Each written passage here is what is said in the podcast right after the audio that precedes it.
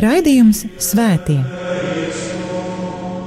Katrā laikmetā ir dzīvojuši daudz svētie, un katrai paudzei tie ir un paliek kā dzīvās ticības liecinieki. Mocekļi, apliecinātāji, vīri un sievas, jaunieši un bērni. Svētie ir tik dažādi, gluži kā mēs, bet ir kāda īpašība, kura visus svētos vieno.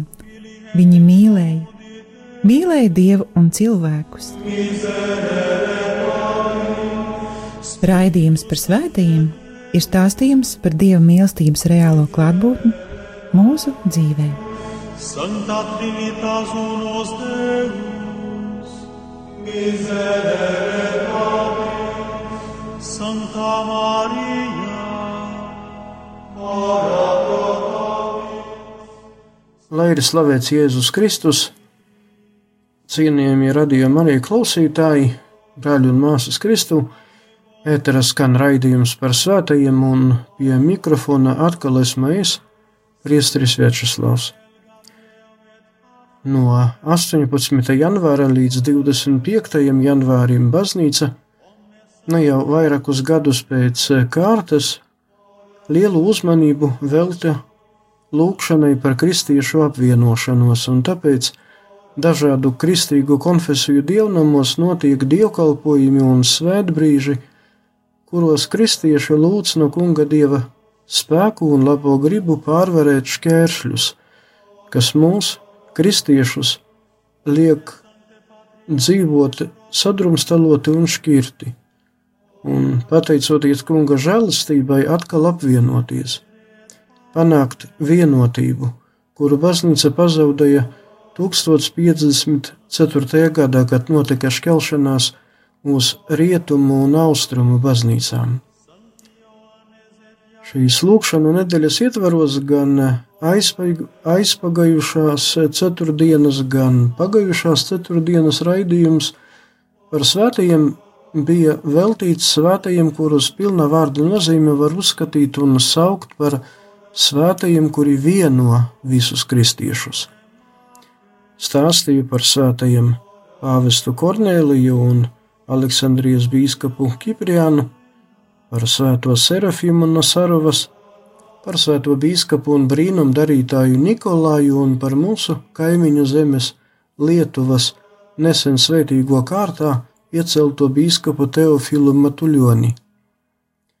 Šodien pastāstīšu par 12. gadsimta svēto bīskapu un mocekli Tomu Beketu un par Pēterburgas Kseniju 18. gadsimta svēto.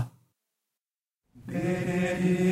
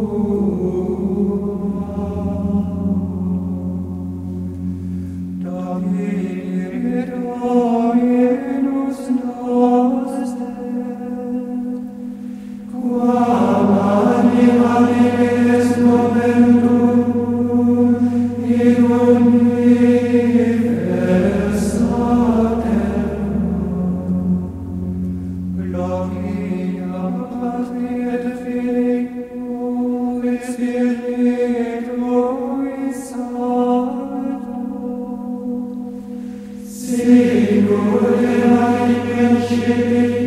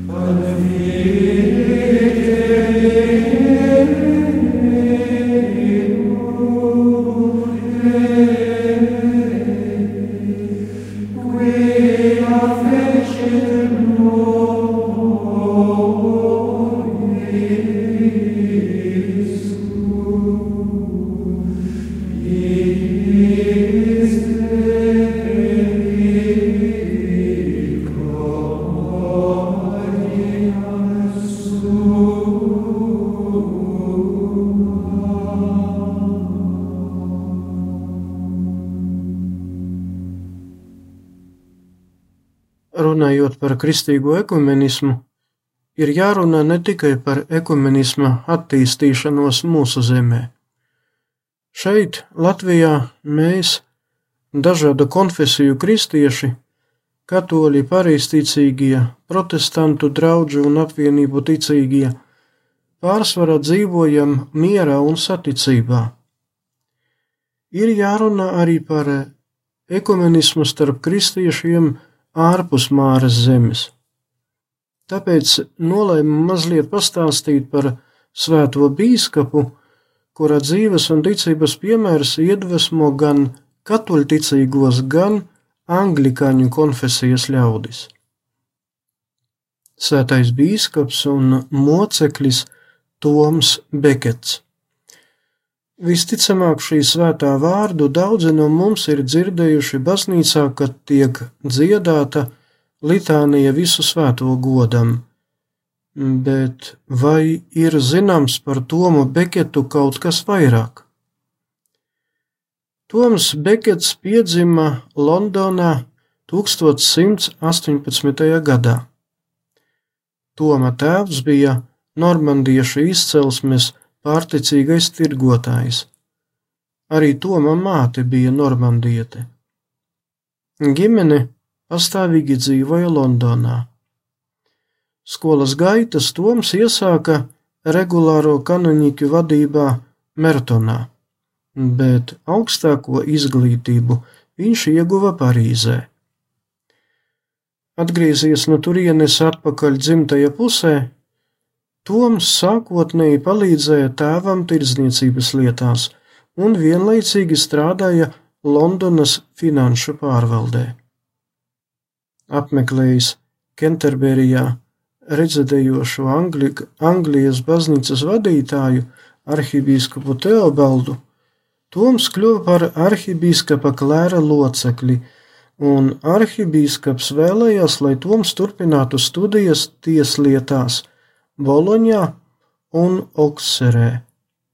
1154. gadā, atgriezies no studijām, Toms tika nozīmēts par Kenterberijas arhidiakonu. Gadu vēlāk, 1155. gadā, Anglijas karalis Indrikis II Tomu iecēla par lordu kancleru, bet pēc Anglijas baznīcas galvas arhibīskapa Teobalda nāves, Toms tika ievēlēts par Teobalda pēcteci. Kļuvis par bīskapu, Toms Bekets radikāli mainīja savu dzīvesveidu, uzņemoties daudzus un dažādus askēzes darbus.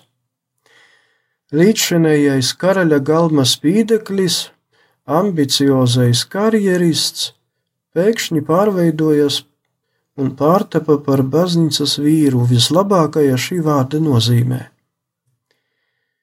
Pieņēmis konsekrāciju, Toms uzreiz atteicās no kanclera pienākuma pildīšanas, kaut arī šis tituls nesa viņa, viņam paprāvo atalgojumu un nodrošināja lielu ietekmi uz valstī notiekošo.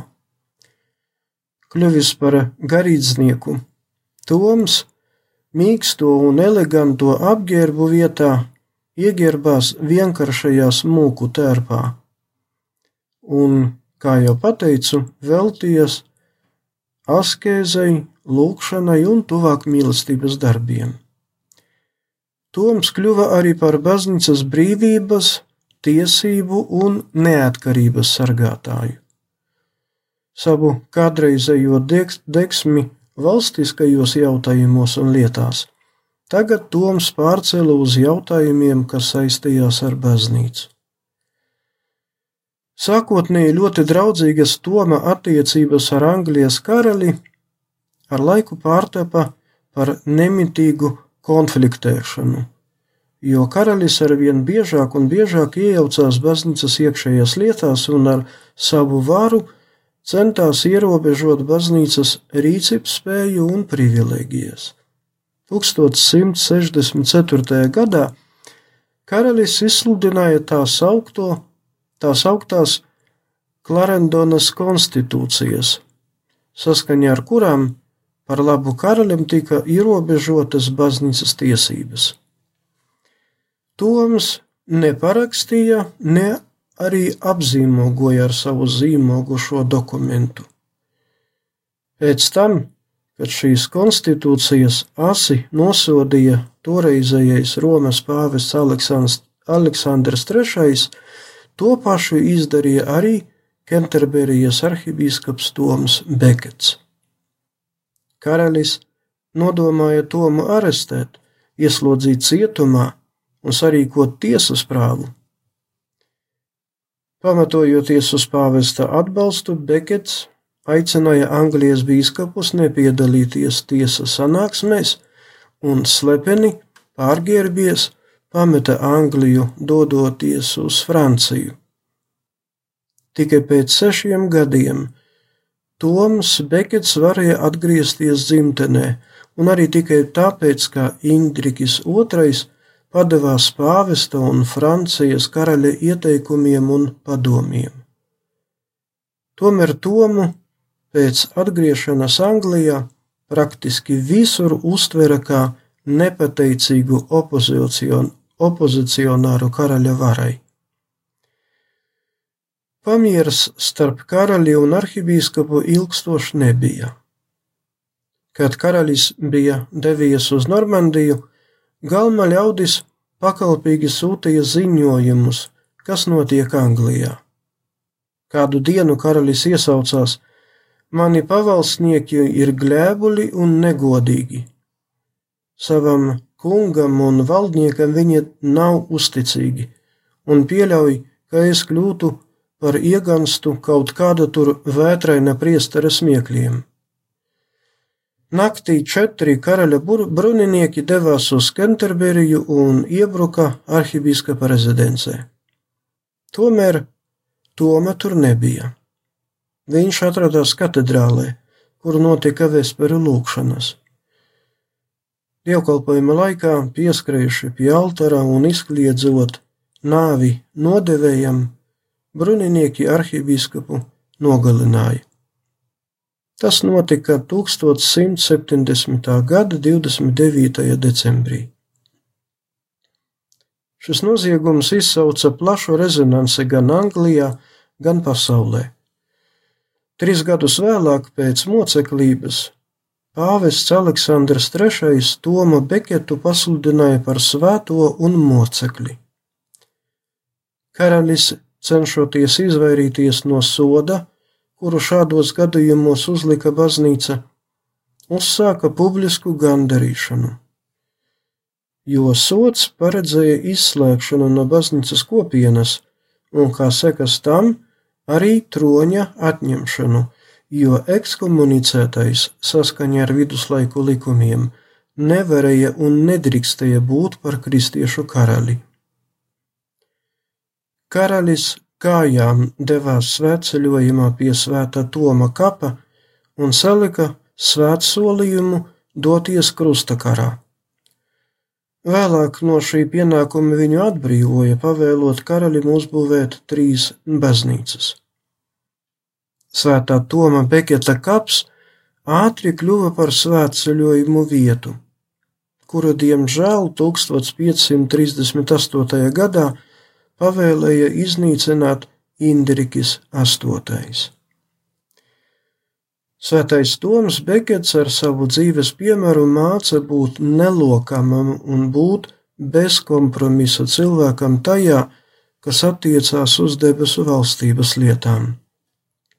Kā jau pieminēju raidījuma sākumā, svēto bīskapu un mocekļi Tomu Beketu godina gan katoļticīgie, gan anglikāņi.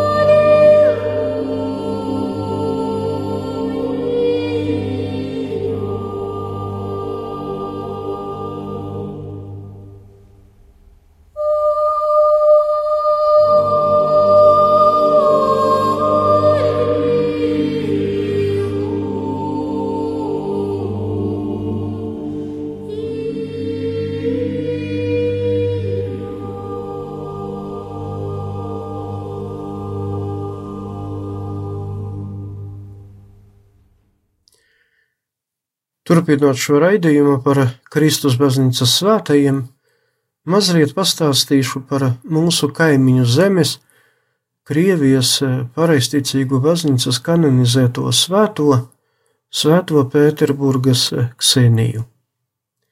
Viņa dzīvoja viena no 18. gadsimta lielākajām pilsētām, un neraugoties uz to par Kseniju ir zināms ārkārtīgi maz. Piedzima visticamāk 1731. gadā ģimene, kura bija saistīta ar Krievijas cara galmu. Aprecējās 20 gadu vecumā ar imperatores Elizabetes kora dalībnieku Andreju Petrovu. Jāpiezīmē, ka imperatoras koris tajos laikos bija kaut kas īpašs. Pati imperatore augstu vērtēja gan laicīgu, gan baznīcas mūziku un dziedāšanu, un koris izpildīja skaņdarbus gan baznīcās dievkalpojuma laikā, gan teātros. Laulātā pāra laimīgā dzīve pabeidzās ātri, jo Andrejs pēc trīs gadiem nomira visticamāk epidēmijas laikā. Tad arī sākās svētās Peterburgas Ksenijas īpašais ceļš, kuram uzticību viņa saglabāja līdz pat savai nāvei. Šis pēkšņais trieciens vīra nāve tik spēcīgi satrieca. Tā ietekmēja Kseniju, ka viņa uzreiz it kā aizmirsa visu ar šo pasauli saistīto, tīri cilvēcisko. Aizmirsa visus priekus un izpriecas, un daudziem viņa šķita kā prātā jukusi, par zaudējusi veselo saprātu. Tā uz viņu sāka skatīties pat viņas radinieki un paziņas, un īpaši pēc tam, kad Ksenija izdalīja visu savu īpašumu nabagiem. Viņa pat atteicās no savas mājas, uzdāvinot to savai labajai paziņai. Atbrīvojusies no visa zemes aizgādnības, Svētā Ksenija izvēlējās sev ļoti grūto ģeķa Kristus dēļ ceļu. Ietērpusies vīra uzvalkā, tas ir uzvilkusi vīra vēļu, kaftānu, kamzoli. Viņa sāka visus pārliecināt, ka Andrejs, viņas vīrs, nemaz nav miris, bet mirusi ir viņa, Ksenija. Ksenija kopš tiem laikiem nekad neatsaucās, ja kāds vai kādi viņu uzrunāja par Kseniju, bet vienmēr atsaucās, ja viņu uzrunāja par Andreju. Konkrētas dzīves vietas Pēterburgā svētajai Ksenijai nebija. Lielākoties viņa visu dienu klaiņoja pa Pēterburgas ielām, galvenokārt Svētā apustuļa Mateja baznīcas rajonā, kur tajā laikā mazās kokā būdiņās dzīvoja nabadzīgie ļaudis. Nabadzīgs, diezgan dīvains apģērbs, praktiski bez apaviem, tas, kā viņa runāja un komunicējās ar cilvēkiem, viņas lēnprātība, pazemība, labsirdība pret ļauniem cilvēkiem un īpaši ielas bērniem, kļuva par iemeslu tam, lai nevis apbrīnotu viņu, bet lai zobotos par viņu. Svētā tomēr visa šīs ķengas panesa bez kurnēšanas. Kā var izlasīt viņas dzīves aprakstos, tikai vienreiz, kad jau Ksenija tika cienīta kā dievam patīkama kalpone, Pēterburgas puses iedzīvotāji redzēja viņu ļoti dusmīgu